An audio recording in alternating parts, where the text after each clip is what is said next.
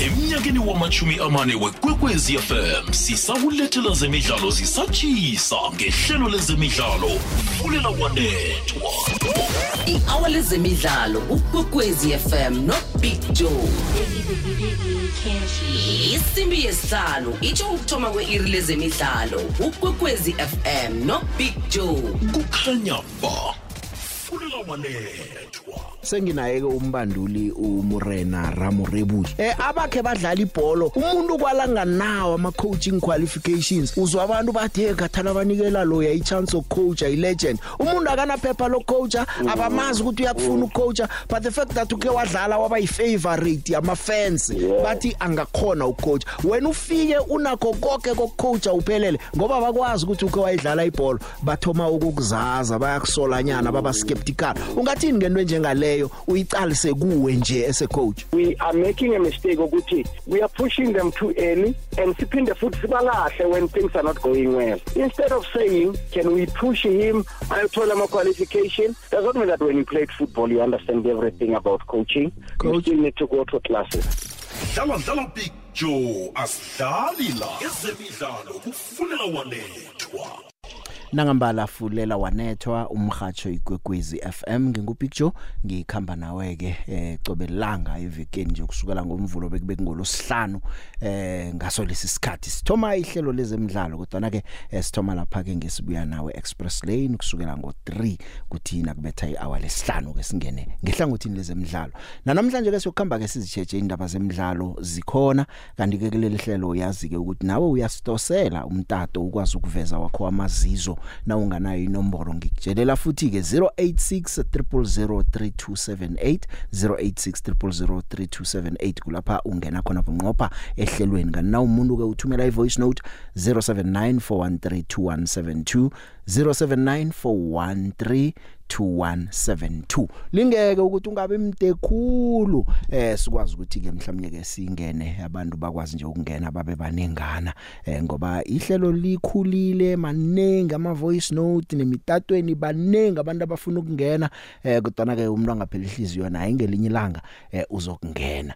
Into nje ekulu ekhamba phambili kuthoma kwephaliswano lebigiri yephasi yabendazana lithomile namhlanje eh nangabe umuntu bewubona ngathi into esesekude engeze yafika seyifikile. Ziphi isikhathi mntwana kwethu kuzokusiza ukuthi na unaso isikhathi uyicale imidlalo le uyicala ukwenzela ukuthi nangelinye ilanga nakukhulunywa ngebhola bendazana nokho nawe wakho amazizo nombono wakho kube mbono ohlezi phezulu kwamaphuzu. Kungase kube into icabangako nje ukuthi oh abantazana nebhola eragwako kube nokho ubabonile ukuthi badlala njani? Badlalile badlalile abendazana eh okube kumbi ke kudubula okwenzeke lapha eNew Zealand.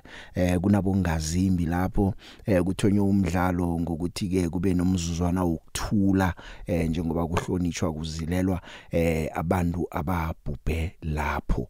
Eh kube nje into embile abantu nabathabe kangaka abathabela umnyanya kazomkhulu kangaka bese kuba ngaleyo ndlela kunendoda ke beyiphethe isigidi. Batsho kunendawanyana la kwakhiwa khona ibuilding site nje eh ngaphambi nje komnyanya wokuvula ngaphambi komdlalo wokuvula nje ama awanyana ambalwa kokwakho wadumuza komntulo kubhubhe abantu ababili naye odumuza kulo eh bakwazile umdumuza naye wabhubha eh kwalimala abantu abasithandathu.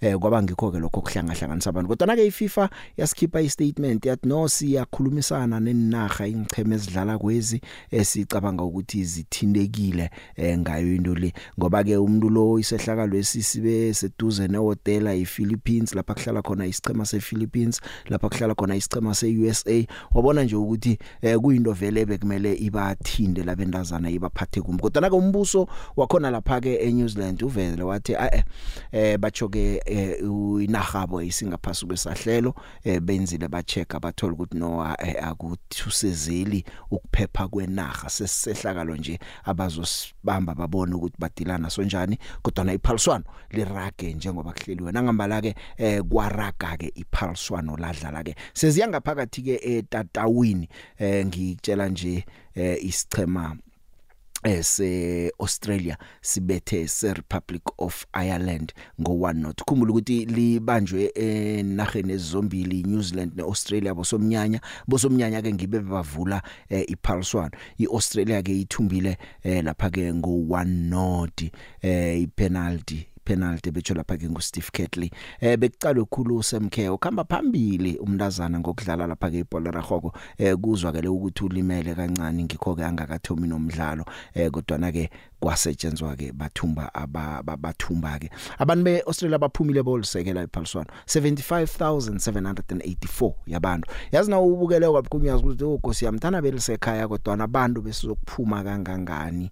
Eh sekubaza indwanyana ozicala ukuthi hey ya nokho bayasekela abantu. Bayileke bolisekela ke iPulse lapha eAustralia eh bathumba ke bathumba ke eh Ireland nayo ke izamile bebakhona abalandeli bayo bathi bayasekela njalo njalo. Kodwa na ke baloba yathumba ke iAustralia. Umdlalo olandelako eh iNew Zealand. iNew Zealand ayizithwele umlando wayo. Ngemva kokudlala ama World Cup amahlanu bayathoma thomi ukuthumba umdlalo ephaliswaneni lebigiri yephasi. Abalandeli bakhona baphumile 42137 baya bokubukela eh, umdlalo loyo. Ikondelo libetshwe lapha ke nguHanna Wilkinson nguyobethe ikondelo iNorway yaloba lapha ke ngo 1 not eh ya. Kube yinemnandi kube yinemnandi eh kube kuhle eh, eNew Zealand eh, bakuthabela konke lokho ukuthi no eh yino emnandi. Bese batsho abantu ukuthi hey noma singadlala i draw batsho bebazoyithabela ukhumbula ukuthi eh isichema lesi se Norway eh baba zinkutani ngo1995 manje thana bebadlala ngokulingana nakho eh be New Zealand bathi nakho lokho besozikhakhazisa ngakho kuyinto nokho eh ebebaza yithabela bathumbileke livulile iphaliswano isukile ngizokutshela ukuthi kusasa imidlalo ikhamba njani kodwa ngingase ngikutshele kusese nje ukuthi kusasa iNigeria nayo ihlangana nenaga ezidlala ko lihlelo fulela wanethwa umhajo ikwekweza FM hlala wena ke eh, siyicoceke sinawe nawo. Uzangitshela ukuthi izinto uzibona njani. Kukhona okunye nje kunenge ngikuphathele khona. Dlala dlala big joe asidlali la. Ezemidlalo kufuneka walethwa mina ngiphethe intatheli la utiyano kamabasa ekhe sizwe ngentatheli ukuthi kukhamba njani. Tiyani nasindaba ye Royal AM eh iCase isuspendile iban yabo kodwa nangisatshela umlaleli ukuthi akuthi ukuthi umlando uphelile. Bathi solanka kune process ye appeal basuspenda iban. Then nakupheli appeal sizakuthola ukuthi isigwebo sikhamba njani. Ngiyibeke kuhle musa? 100% my friend. You know, I remember this happening to Barcelona when they suspended the, the ban. Barcelona went and signed like five players. Maybe it's an opportunity as well for Royal AM. Maybe they can get some players in. I know they were talking to uh, Mohamed Hussein, defender from Ghana. They also wanted Andile Jale as well. They can sign players for now until that appeal from CAS comes out.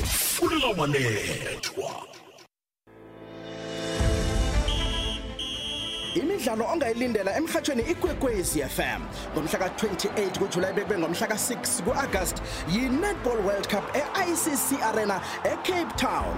Lindela imisikinyeko yonke le. Ngisiza sibale. 5 Five, 4 four, 3 three, 2 two, 1 one. ngomhla ka28 July bekube ngomhla ka6 kuAugust 2023 yi-Netball World Cup eCape Town. Uzoyizwa poro bunqopha. #we love it here for the love of the game. Of the game.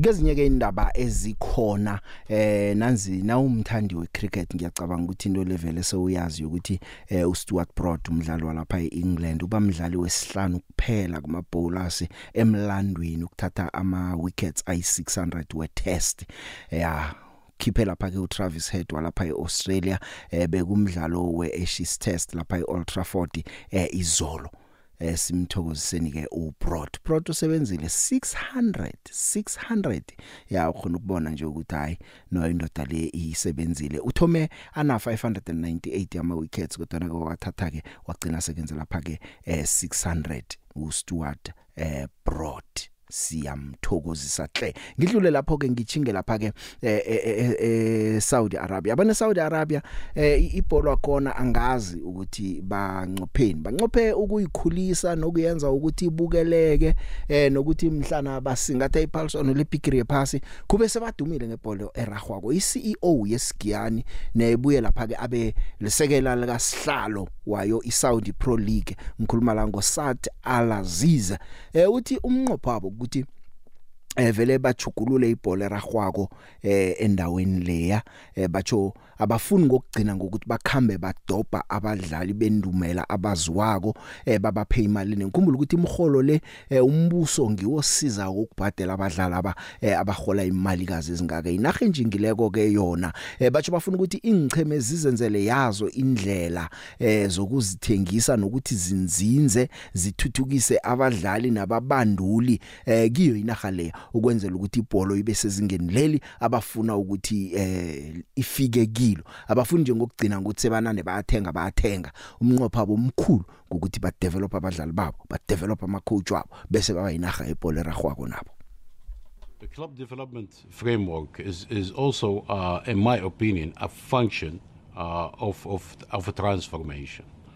What we're trying to do uh, in this transformation is to enable the clubs to adopt best practice when it comes to uh, operating the club, uh, financially managing the club, uh, acquiring players, hiring coaches, sports science, all that stuff. So, that for me, what a club development framework is, is this something that I envision to be there uh, in 10 years' time? Hopefully not. We want the clubs in, in, in due time to be able to do that themselves without the aid or the help of uh, the league. ya ngoba vele nje amehlo sekahlezi phezulu kwayo ileague leya eh iyabutha hle kanti ke eh, nowakho abamnqophisi director of football lapha esichimeni seChelsea eh esichimeni seAS Monaco uMichael Emenalo naye ukhona lapha ku Saudi Pro League uyi director of football gileya league leya naye uyangezelela ukuthi umnqophabo uyini I believe that this is a role that um, I've spent um, the last 45 years of my life preparing for. Um, and it was not a, a difficult um, uh, uh, role or offer to, to accept. I am intrigued by the, um, the audacity of the project, the ambition, and I think this project uh, fits the bill um, of what I was looking for uh, in terms of um, uh, expressing my creative content, which I've built up over a number of years. This project has been in the making for, for, for a while. Uh, it's well thought out, and, uh, and I'm impressed with um, the knowledge and, and the input that's gone into this. Um, uh, and I think um, it's a boost for our industry uh, as a whole. Sesekhona ke ku Saudi Pro League nje iLiverpool batsho bavumelene in principle eh, nesicema seAl Attifaq sekumele nje kuhlakaniswe lapho nalapho bese kuyahlikihlwa eh, 12 million pounds plus ama add-ons nakhulunywa ama add-ons ekuba nemali ezifakwa fakwako eh, phezulu apha ke njalo njalo.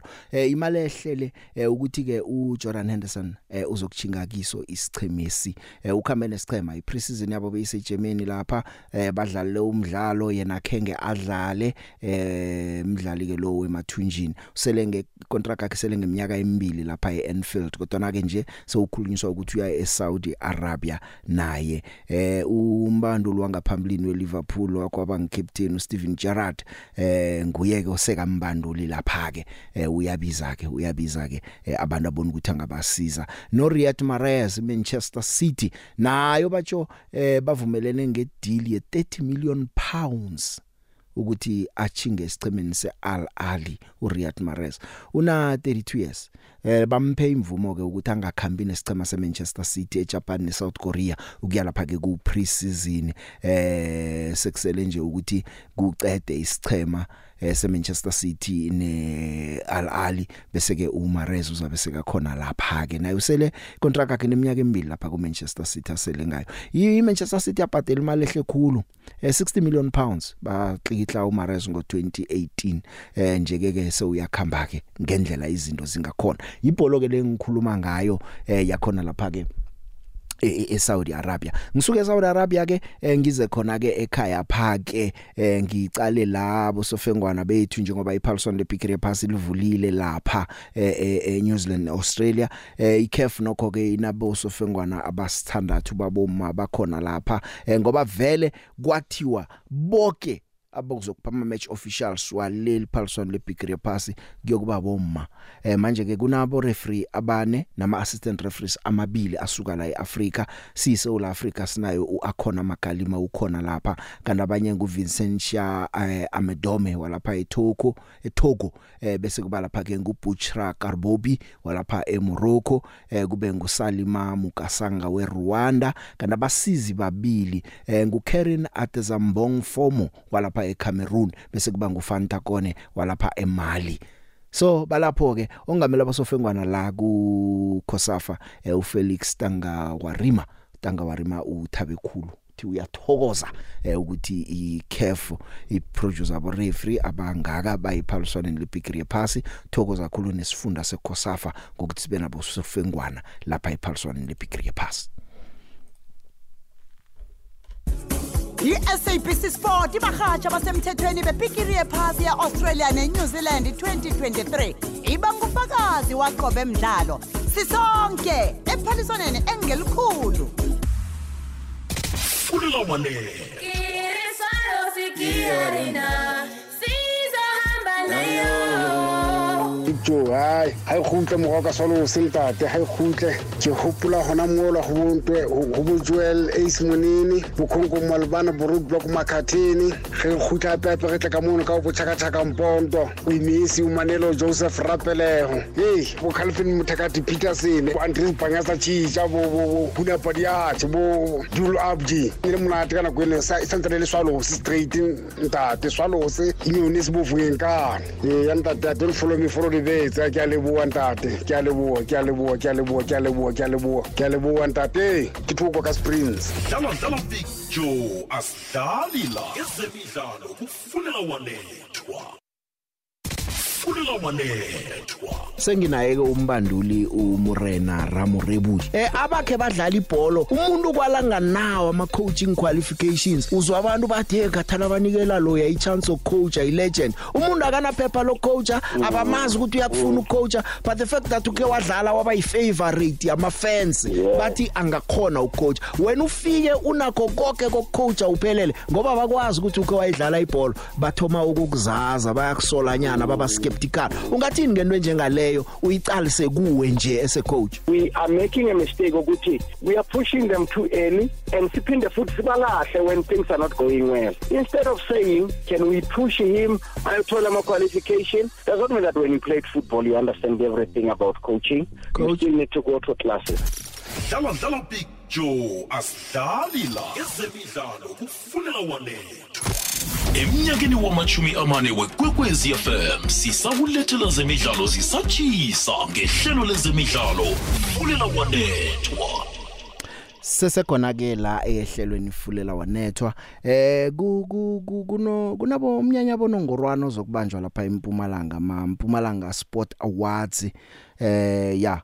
Nje batsho ke ama nominations avuliwe. Eh sekuthomile ke abantu banga nominator eh avulwa nge1 zaka June ayokuvalwa nge20 zaka July sekazokuvalwa kokwakho ama nominations wakhona. Kodwa nokwazi ukuthi kukhamba njani ngamampumalanga Sport Awards imikhakha eh nokuthi bobana abanominator ko kunominatewa njani? Eh ngino Sylvia kwamaseko Sylvia Maseko uyi project manager yawo ama awards la. Sylvia ngiyakwamkela ngiyakulochisa emhathweni yeche Ngiyabonga eh ngiyalotsha emsakazweni kwekwezi FM nakubalalela emakhaya. Siyathokoza Sylvia ukuba nawe namhlanje. Ngifuna sikhulume la ngamampumalanga Sport Awards.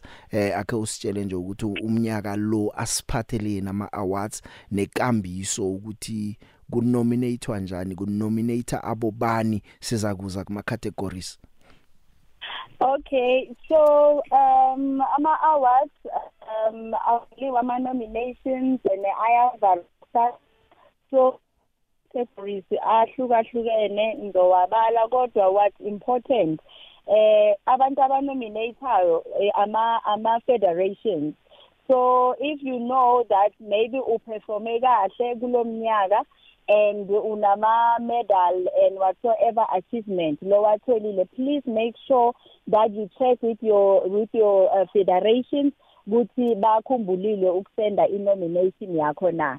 So ama categories uh, we have sport administrator we've got school team we've got developing school of the year we've got so with the schools bayakhona ukuthi bangasenda direct ama nominations wabo as well. Uh, we've got the newcomer of the year we've got the volunteer of the year we've got people's choice sports star we've got indigenous game star of the year we've got recreation body team of the year coach of the year sports club or federation of the year sport woman of the year with disability sport woman of the year sportman of the year with disability sportman of the year sport journalist of the year sport photographer sport star and uh, the sport fan because the lifetime achievement nama sport legends lawo ama ama categories where the MEC chooses the people laba labafuna kuba award so if kukuthi you know that uh, you are performing within mhlambe lama categories lawa lengiwabalile please make sure that uh, we are contacta i federation yakho to check ukuthi bakunominatile or if you are not sure please send me a a WhatsApp message preferably a WhatsApp message because my calls sometimes are difficult.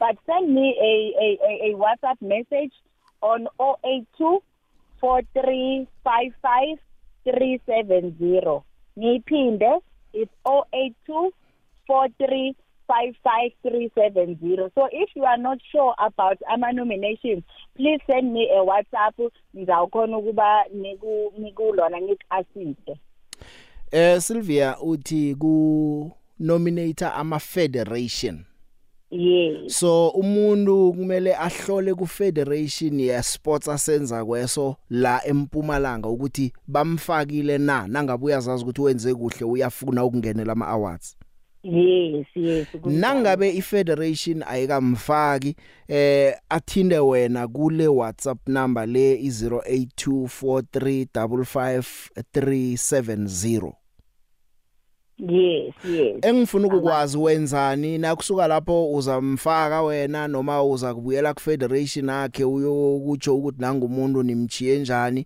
eh na uyakiyo yona yathi thina nangwesimfakile kwesiza ngaye uwenza njani? Yes, so because eh as the Impumalanga Sport Awards asi asi organize sodwa but is neMpumalanga Sport Confederation and is ne Department of Sport Culture and Recreation the sports section. So i'm able ukum assista ngokuthi ngithathe le le achievement yakhe ngiyipresent to the whole team to say nanga umuntu lo performile but akaka nominatewa and then if there are reasons uh, why bangam nominate I'll be able to go back kulo muntu ngimtshele ukuthi no this is the reason why they didn't nominate you or if baya accept le nomination batoy accept because what happens is that after avaliwe ama nominations the adjudicators bayahlala phansi and go through the submission and then they choose the best 3 so it doesn't mean that if unominatiwe already automatically mm. So yovotelwa no still kuyahlala phansi nale evidence and everything lo submitile ku shortlistwe and then siyophinde sibuye ke emsakazweni sisho ukuthi nawa ke ama ama top 3 eh finalists ku each category and then people bakhona ukubavotela.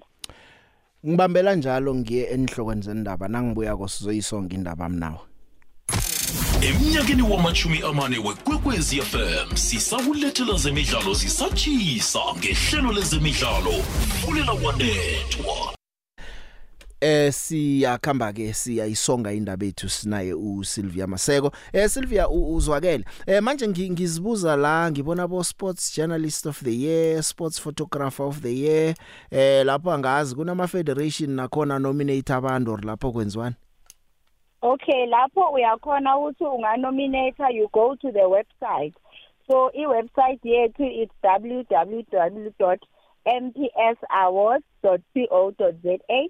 So uyakhona ku nominate eh, online or ungangithinta nakhona via WhatsApp if you want me to send you the link or if ufuna ngikusendele the manual form ngiyakhona ukuforward. Ngubani ongakuthinda? Ngubani onominator kule mkhakha emibili? Umbuzo wami utsho njalo. Kunominator noma ngibani olaleleko njanga nominator or kunabantu ekumele ba nominate kule mikhakha?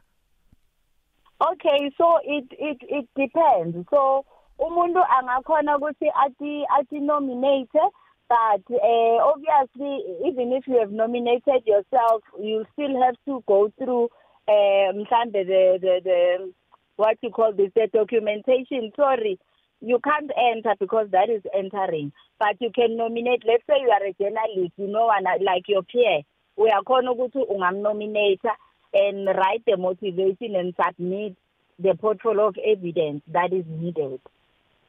So even if kukuthi sport photographer you can nominate uh, maybe another sport photographer but kuyofuna usubmit all the pictures and all the evidence Mhm. then so that So- ama-judges ahlale phansi awa check La ku sports journalist of the year nikhuluma ngani nge print media or nikhuluma nge radio or nikhuluma ngani? Okay, uh, it, it it includes everyone as long as umuntu ay journalist. But we must remember that not sport presenter but sport journalist. Ngikuzwe kamnandi. Ya so ke abalaleli abafuna ukunominate nabantu aba asome ngalabo abafuna ukunominate ukuthi bangena kuyiphi website eh bese ke sibuyelele nenumber yakho abantu bakuthumele eh ama WhatsApp bathumele ilink or babuze lokho abafuna ukukubuza kuwe. Asithome nge wa- nge nge website abanominate kiyo abangena kuyona abanominate akho Okay, it's www.mpsawards una s ekugcineni .co.za so www.mpsawards.co.za or bangangithinta ku 082 4355 370 ngithokozile Sylvia ngiyathokoza number Ahake ngu Sylvia Mampumalanga Sports Awards eh nje ke kusese ikambiso yokunyula abantu eh baza kuphungula ke bese bayathi ukuthi bobani mhlawumnye ke abakhona emkhakheni ehlukahlukeneko abavotelwako? Eh Bracho unjani? Ukhuluma noSizwe Mashele la eWitbank eForceman. Eh bengithanda ukubongisa man uStuart Broad lapha kuEngland kucricket man. Ngokufinyelela ku600 eh wickets man. Siyambongisa umswalo ya. Hayi usebenzile eh usebenzile kakhulu. So bayi6 kuphela abantu abakhona ukufika le kulama ku600 eh wickets. Siyambongisa kakhulu. Sibonge picture. Uh, picture unjani no save lapho ukhuluma nojabula eGymnastin mina epicture ngiyaphikisana nalento yaseSouth Arabia ukuthi bazothenga amaqhigu bawabhadala imali eningi bathi bakhe ibhola. Why bangathatha umbampe manje? Bathatha amaplayer asefomini manje bawabhadala le imali enkulu adlala azolast oboma oma 10 years kuleague yabo bakhe league manje bazothatha iqhigu elizodlala 3 years seliya retire bo Ronaldo bonke labo oMessi. Mina ngibona ukuthi iyabasebenzela lento ayibasebenzile waba nemali abathatha amaplayer asefomini eEurope. Bathatha bawathengela amateam ase-Europe bakha amaplayer. Bakhe league yabo ngamaplayer adumile. Lokho kungabasebenzela. Lokho angiboni kuzobasebenzela ngoba bathatha amaqheku iqegu liyafika libuthi imali liyahamba. Three season phelile kumele futhi balandele linye retire lizobuthi imali epension jazi amaplayer yalapha for pension ngiyabonga picture Hey kunjani kunjani Big Joe? Angimanqoba ngahermel isandawana hayi siyazizwa ze World Cup Big Joe hayi. Swabonile amantombazane eyadlala Big Joe aqinile amantombazane. Hey sengifikelwa usizi nyana ngebanyana banyana hey hayi khona. Kodwa ayasithembe ukuthi nayo izosebenza kahle Big Joe ngesonto mayidlala. Ah Big Joe sithi hayi moya wabulale ngokuthula laba abadutshuliwe ngoba Big Joe yazi ukuthi khona vele ukuthi nje kuno kunomnyanya thize bese kuba khona isibhidla mnyanya sibe sinye nje abe munye nje ungoma yayona. Hayi Big Joe umoya wabulale ngokuthula ngiyabonga Big Joe. Eh sawubona Big Joe estudio nabalaleli. Eh ukhuluma noGathuso David Thulani Mashiyane wase Witbank eh Big Joe bengithanda man ukufisela isichema sebanyana banyana no coach wabo uDesiree Ellis ngomdlalo bazowudlala eh neSweden. Ngosonto weWorld Cup.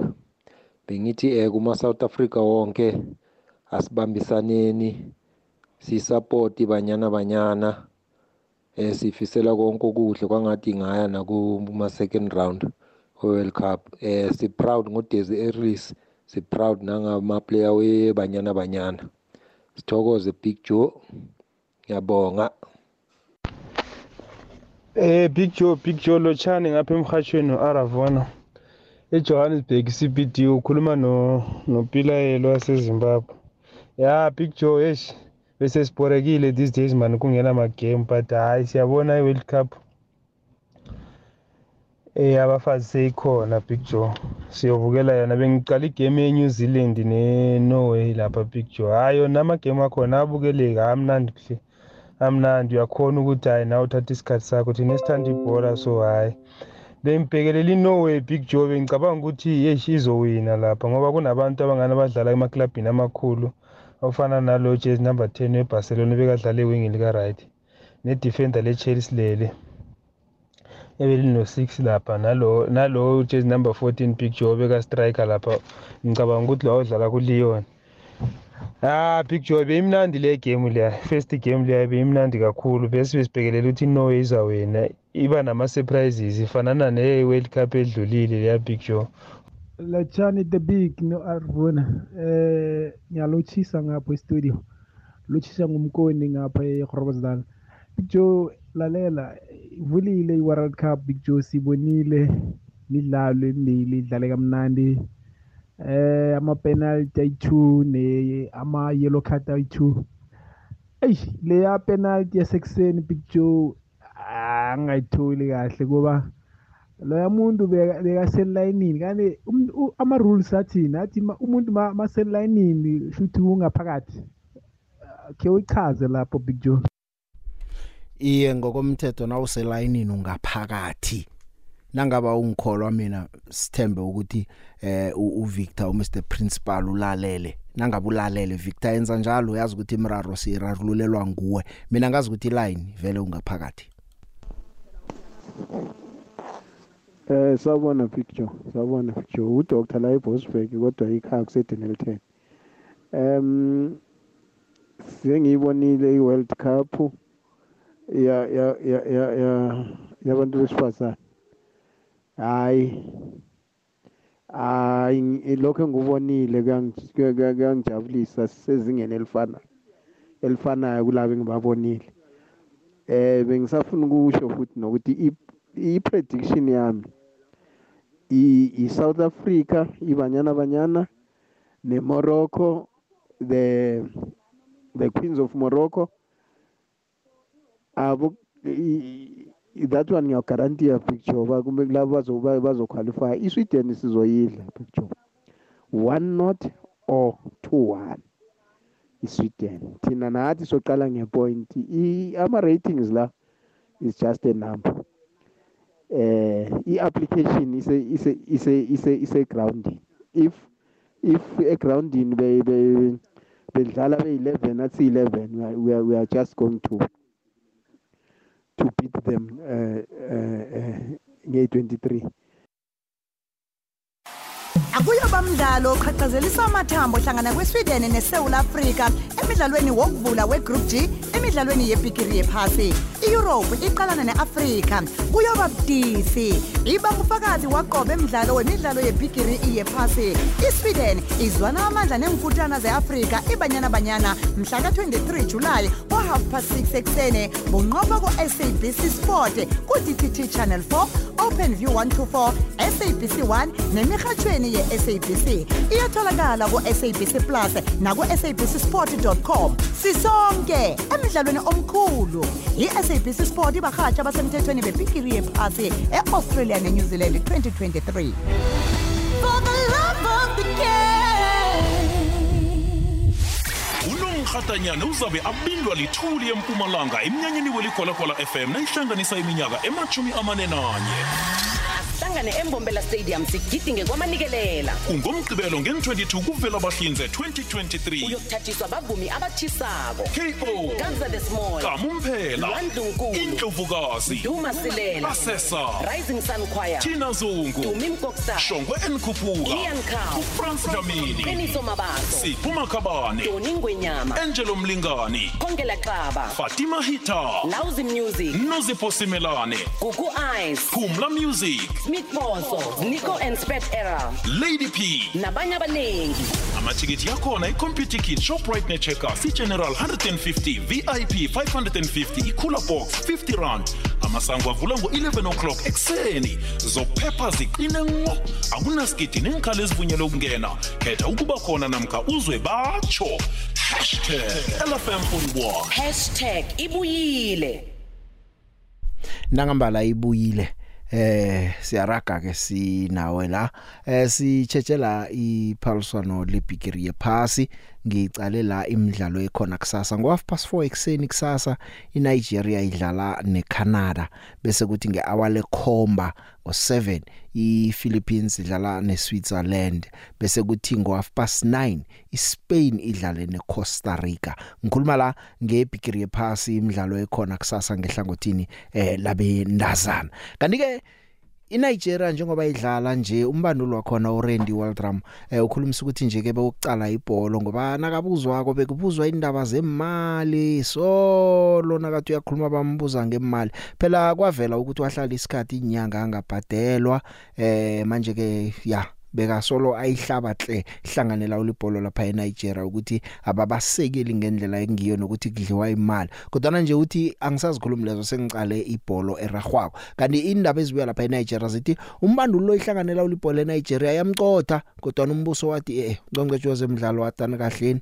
umuntu nakafuna imali yakhe nina bese niyamcocha na? Indaba enjani leyo? Eh asizwe ke ngaye umbandulo World Drum eh kanti okhunye nje ngingase ngikutshele njengoba kudlalwa nje vele uyazi ukuthi lapha umuntu ozabaqalwe ekhulu esichemeni seNigeria nguAssisat Oshowala umdlalo odlala lapha ke isichema eh seBarcelona sabendazana iSABC Sport ibahatsha basemthethweni bebhigiri yephasi yeAustralia neNew Zealand 2023 iba ngufakazi waqobe emidlalo sisonke ephaliswaneni engelikhulu. Well, if Asisat wants to score four or five goals tomorrow, that'd be that that helps solve a lot of things for us. Um, you, you know, we're a little bit. You asked earlier, one of you asked earlier, a little bit about our two matches with Canada, um, and and they're they're a little bit different as a team than they were when we played them last time, and we're certainly a little different with personnel than we were the last time we played. So I think it's going to be a really interesting matchup. I, I think that the whole group is going to be a very interesting group uh, because all all four teams are quality, and all f- four teams have the ability on a day to get the results. So um, you know, I I I just think our game plan. Uh, as, as key as Asisat is for us, we have other really good players fully capable of uh, creating and, and uh, scoring opportunities for us and, and, and doing the job that we asked them to do. So she is one of, of a lot of good players that we have. Umdlalo othembisa ukuthi kuza kuba muhle vele muhle uAsisat esiza kubona ukuthi usebenza njani. Ayisuyedwa njengombanduli nje eh, atsho. Khona no Antoinette Payne uAntoinette Payne eh, naye ke umbethi magondelo waso lesisichema muhle lo mdlali naye. Sakubona ukuthi kuyokukhamba njani. Kodwa ke Nigeria ngakutshela khona ukuthi seyidlala ihlandla lethoba. 9 times badlala ku World Cup. Ngibo bodwa isichema seAfrica esolo sesikhona ku World Cup. Eh ya sakubona ukuthi kileli hlandla baya njani kodwa kokthoma ukhunye nje ukucakathekile ukokthoma baya ku World Cup bangasiza inkutani zeAfrika. Isikhathi nesingivane kungebo inkutani naba lapha nje inkutani eSouth Africa bona basizo inkutani kodwa bayaya ke kanti ke Ngibo bodwa isichema seAfrica sekusafika ku last 8 ma quarter finals bakwenza ngo1998 eh isicheme esike. Manje uyabona ukuthi eh, umdlalo wakhona na uza kubabdisi na ucaleko ake sicala lapha ngaku Canada umbandula khona eh, ngu Beverly eh, Priestman. eh, umbanduli weCanada naye ukhulumile nje ukuthi yong esichemeni sethu nathi sinayo captain wesichema nguChristine Sinhle. Eh, una 40 years kodwa ngomunye nje wabadlali abadala abakhona kuleli phaliswano. Eh umunye ngwalapha eNigeria uOnome Ebi naye mkhulu hle eh manje ke usinhlelo sowudlala iWorld Cup ihlandla lesithandathu. umbanduli ke nguPriestman eh owakho abamsiza umbanduli esichemeni seEngland esidlala lapha ephaliswaneni leBigiri yephasi sabendazana ake simuze ukuthi uthini nakakhuluma I think just that aura of calmness and confidence. Um, that's exactly what she'll bring both on the pitch but also off the pitch. And, you know, little words of advice for anyone that is getting on that pitch in them moments. She'll, she'll bring an aura of calmness, and I think that's really important. Yabe ndazana ke abazabe badlala njengoba ngikutshele nje ukuthi kusasa ingchema zidlala kanjani ke ngibuyele nganeno ke ngize ngakithi ke iSouth Africa iSouth Africa eh sichema sekhaya ke siyokudlala ngosonto ngo7 umuntu wenza appointment ngosonto ngo7 ibanyana banyana iyadlala. Eh umbanduli lethu ke siyamazi soke nguthi Israel sengikufaka nje endweni ucaptain kurifilwe jane eh kuma rankings siku 54 thina the highest sakhe saba khona eh ku 48 kwakungo 2016 kanti the lowest akusahlala lapha ke ku 74 kuma rankings South Africa hey nayithoma ukudlala umdlalo wenchaba-chaba wabendazana sadlala romakhelweni bethu iswazini ngo1993 kwakungeni 30 zika May sababetha 14 not ya sathoma lapho nathi kuthi no biggest win esinayo sabetha iComoros ngo17 not PE nge31 zika July ngo2019 kanti ukubetshwa okukhulu esakhe sakudulwa sabetshwa ngo2003 ngoSeptember eh, sibetshwa lapha sichema seChina basibetha ngo13 not khuluma la ngeSouth Africa nje siyokudlala ihlandla lesibili eBigrini yephasi. Kokthoma eh, kwakungo 2019 nasidlalako. Awathina sesinama group stage nasicala ama best results abakukhokhunye mhlawumnye kuleli hlandla eh, nathi singazithola sithola thola intwanyana. Sibuya sithi sikhe sawina umdlalo or sithi sidlulile kuma group stages eh, angazi. Kodwa ke okumnandi ukuthi izinkutani zeAfrica siyithumbile ke eh, iWAFCON ngikhuluma ngesicema seSouth Africa kanti kuma Olympics nakona siye kabili kokthoma kwakungo 2012 kanti ke na ucala best results saphuma position number 10 ngo2012 asinawo umlando omuhle ngaphandle kweAfrica kodwana kulithuba leli lokuthi abantazana bekhaya bazibonakalise sibone ukuthi yini abangayenza. Imidlalo yethu ke njengoba ngitsho njengosondo eh, sidlala lapha ke neSweden. Ngo7 ekseni lapha eWellington ngen27 siyokudlala neArgentina. Ngen2 kuAugust siyokudlala lapha ke neItaly. Kungendlela ke sicale khona. Kanike abadlali bekhaya abolinda mutlhalo ungathini njengolinda mtlhalo emidlalo esicale silindele ukukhulu kuye abo German soposingwe sibalindile ke ukuthi basenzele kuhle lo mndazana lo angasebenzela kamnandi. Ngoba ubuya kubo USA kubo Spain Portugal ngikhuluma nawe nje kuse Mexico ilemuko likhona urifilwe njani ngimchiya njani mara? Ongucaptain wesichema naye silindele likhulu ke kuye. Andile dlamini usticks? Ngomunye nje wabadla. Banenge abadlali bekhaya nawe uyabaza bonoxolo cisana eh badlala nje silinde ukuthi bangasenzela litho likhulu sichema sekhaya siyokthoma ukudlala ngosonto bese nje ngikuchejela eh okusezako lapha ePaulsoneni leBigiri yepass i-SABC Sport ibahatsha basemthethweni bebhigiri yephasi ya-Australia ne-New Zealand 2023 iba ngufakazi waqobe emdlalo sisonke ephaliswaneni engelikhulu. I-hour lezemidlalo ukwekwezi fm nobig joe. Isimbi yesihlanu itsho ukuthoma kwe-iri lezemidlalo ukwekwezi fm nobig joe. Kukhanya ba.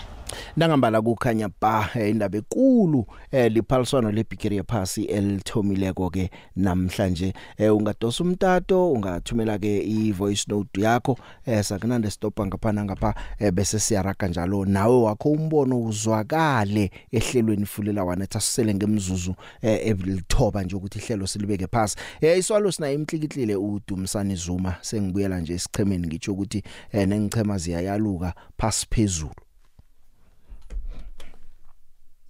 Yeah, Big Joe Mandla Assembly, Tipsloti. Big Joe, um, had, okay, congratulations with Stuart Broad to join uh, the exclusive club. We have uh, Morale Terran, Shane Warne, Glenn McGrath, um, or Anderson. Uh, i-strike rate sika-Stuart Broad sokuthatha ama-wickets i'm not sure nah, i'm not sure bayifostele nje ukuthi makabe usadlala na today which means umuntu ofana no-daily stamos ngabe e-over 800 because i-strike rate sakhe was so good. But anyway congratulations to him.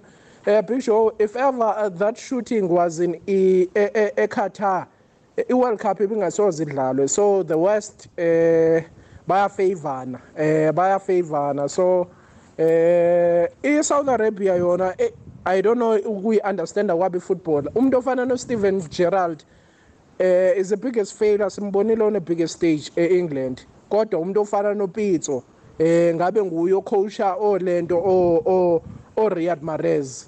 He's a winner. Everywhere he's a winner but because umuntu omnyama bamkhupha kanjalo. Lanto siyibonile MSL yenza ithenga iplayers namagama amakhulu kodwa zange yakhula i-league yabo. So kuyafana man. They are not a footballing country. Ngusonozipho tofanten b two two wana angithome ngokuthokozisa i-new zealand australia um ngizwe nengiqala umdlalo loya big joe ngaba nethemba ngombana ngithe nengiqala umlando wayo. Nayo ngathi soloku ayadlala um ama-world cup i-new zealand azange khe ithumbe namunye umdlalo. Mara namhlanje ngokuzithemba ithe neyiza ngekhabo eh ngokuthi abantu babe munye bayisekela. Nasi iwinile yawuthumba umdlalo wayo wokuthoma. So nebanyana banyana nayo sengiba nethemba elikhulu okubanyana nayo izokwenza umehluko. Nedi abantu asiyisekeleni silise inruhuruhu lezi ezenzekako nabo bazithembe. Konke kuzokulunga nathi sizokuthumba big joe ngiyathokoza ukusho njalo and bayi eh ngeminye nje yembono ekhona ebuya kuwe emlaleli izinto ziyenzeka ke cala msila eh no Judas eh Musiamedi uchinge lapha eTunisia uyokudlala esichemeni seEl Gawafel Sportive eh sichema yokudlala kiso ke utlikihle icontract eminyaka emibili unyaka lo ngathi abadlali bethu bayaphuma mani. Into ehlele eh sithembe ukuthi eh kuzobasebenzela nabo. Angisakhulumeli isicema senaga nokuthuthukisa ibhola kubhlungu ukuthi umdlali nakangasadlaliko kuthiwe uchonile kubhlungu nabathola amathuba okwenza imali abayenze madoda abayenze. Usemoyeni yeche Yebo picture akwande? Yebo kunjani picture Ngikhona njani Yebo picture kade ngasigcina nakho lo khona umsingizana picture Ngiyathokoza. Eye picture ngibukela umdlalo lo eNew Zealand. Hayi no idlale kuhle khulu. Ene ne penalty la ngiyibonile lekade uyicho leya. Urevilo uyile lapha ku VAR wayicheck naqeda la wakhona ahlathulula ahlathulula ukuthi why should be bathi eh ipenalty kwenzekeni kwenzekeni. So hayi ngiyibonile picture nongicabanga ukuthi eh sizozikhipha ichiho yamehlo nge-world cup leli. Badlala kuhle khulu abenazana abapicture so ngicabanga ukuthi abanyana benyana nayizozinikela hayi at least izophutsha tot league boma-top eight top four picture uzwakele ngiyathokoza. Usemoyeni yeche akwande? Ngikhona mina unjani wena? Khona ukhuluma nosolomon akwambonani ngekhosini mhm. Picture abanye into leya ibanyana banyana mina nginethemba ukuthi izoyithumba imidlalo eminingi la kuma-group stages apha sokuphuma lapha phezulu. And then net bona kose bacine emkhumbulweni lapha ngendaba zemali ezi ngamalanga nekose kudlala imidlalo eserious basho kose kunanda kubangwa bangwa nemali and then picture yabona iswalosi mike my word picture ukuthi top eight yongena. Ine-experience coach namaplayer ewasayinayo laya iyozivetha eziningi bisho ngiyathokoza. Ngikuzwile ngiyathokoza mbonani. Eh angibingelele Big Joe Nino Arvuna nabathandi nje bohlelo fulela wanetho. Eh Big Joe ngithi ngithanda nje uku ukufisela ibanyana banyana ngesonto umdlalo omuhle ukuthi badlale kahle Big Joe. Ngicabanga ukuthi nabo basezingeni eh ngendlela abadlale ngayo ku-AFCON. Ngiyabathemba mina Big Joe ukuthi mhlambe this time bazokhona at least bathole i4 point. Eh or 5 bazokhona ukuthi badlulele kuma knockout stages ngibona ngathi izinga Big Joe bazolimatcha sengathi nje bangadlala ngokukhulu ukucophelela Big Joe eh endabeni ye-VAR because maqhamuka ngala eAfrica Big Joe kuneyinqumo ezithathwayo kwi-VAR esingasijabulisi Big Joe akwande akwande nangumaseko ngapha ngedrobheni la ngeJozi Big Joe ay iWorld Cup ithomile ke ke yabomma. Ngiyacabanga ukuthi man sizothi nanoma baphume early nanoma baragarakile ke siliseni ukubalabala ke ke ke sithomeni sithi hey imali kwenzani ini? Asikakafiki ezingeni lelo ngokwebholo. Asikakafiki. Just we wish them good luck. Nangabe badlula la kuma group stage let them badlule thank you. Siyathokoza maseko. Usemoyeni yeje yona ke sinejayo la akwande? Akwande unjani oblujo ngikona kunjani? Hey usontshiya zalombatha ngiyabonga baba. Ngiyathokoza. Eh ah mina njengoba ngangisho Blujo ukuthi yazi lento leyo ukuthi ukhothi umnikeze isikhathi esiright yabona namanje uDesi Ellis ukube nje bamnikezile nje ama maybe ngikhala nje ngama European team maybe 2 3 Mm. badlala ama friendly for i preparation to that World Cup. Ngabe ngi100% happy ukuthi bazophuma emagroupini. Uyabona? Nje wena Ngoba ngo- once- ngokubona kwakho i-preparation yethu ayikujabulisa hayi ikafika hayi mnandi. hayi ngibeka ngandawo ngibeka ngandawo nezimali ekhulunyiswayo ukuthi bebesinikile for i-preparation. The way isapheze ngakhona hayi it's totally different man. Hawu. Ngithokozile uzwakele. Ngibani kuphi konje? Usontshikazo kambatha le nkandla. Umbatha enkandla ngithokozile mbatha. Danke baba. Danki usemoyeni? Yebe big njani? Ngikhona mina njani wena? Awukhambile. Usemoyeni yeje akwande? Victor yebo. Kunjani? Ngikhona mina unjani wena? Victor ngusompilo ngesoshanguve usikhosana sikhosana ngithokozile. Victor uyazi sihlelila ngesafa? Mm. Ukuthi isafa yenza into ezimbi. Mm. mara namhlanje ngibawa sithi viva banyana banyana sibasekele ngakho konke thina simasela Africa. And then kokugcina bengifisa picture ukuthi after i-World Cup le uhulumende angenelele ebholweni iFIFA izosisuspenda isafa le iphume because that's the only way abodeni bangasuka esitulweni or iphenyo leli elikhona leli. Lisiberekele ngesafa picture ngiyathokoza. Sikhosana uzwakela sithemba ukuthi nakuphela ibigire pass le eh kunengi mhlawumnye okuzakwenzeka okuzakuletha umkhanyo kube i-new dawn eh eSouth Africa ngebhola neragwako sakubona khona sikhosana. Victor ngithokoza kakhulu ngiphuta kanjalo. Thank you. Dlala dlala picture asidlali la emnakethu.